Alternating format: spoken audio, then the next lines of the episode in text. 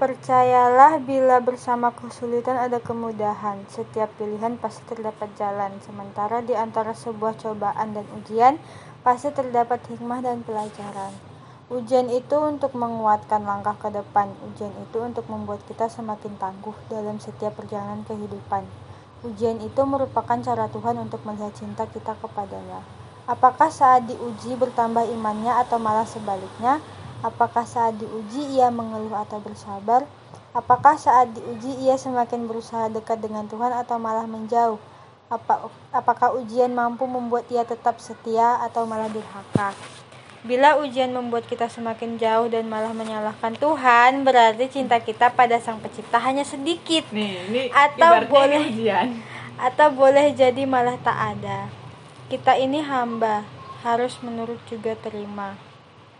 Gak ngerti deh. Eh,